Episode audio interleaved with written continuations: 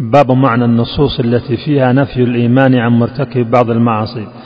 وحيث ما نفي الإيمان في أثر عمن عصى ومن التوحيد قد عقدوا.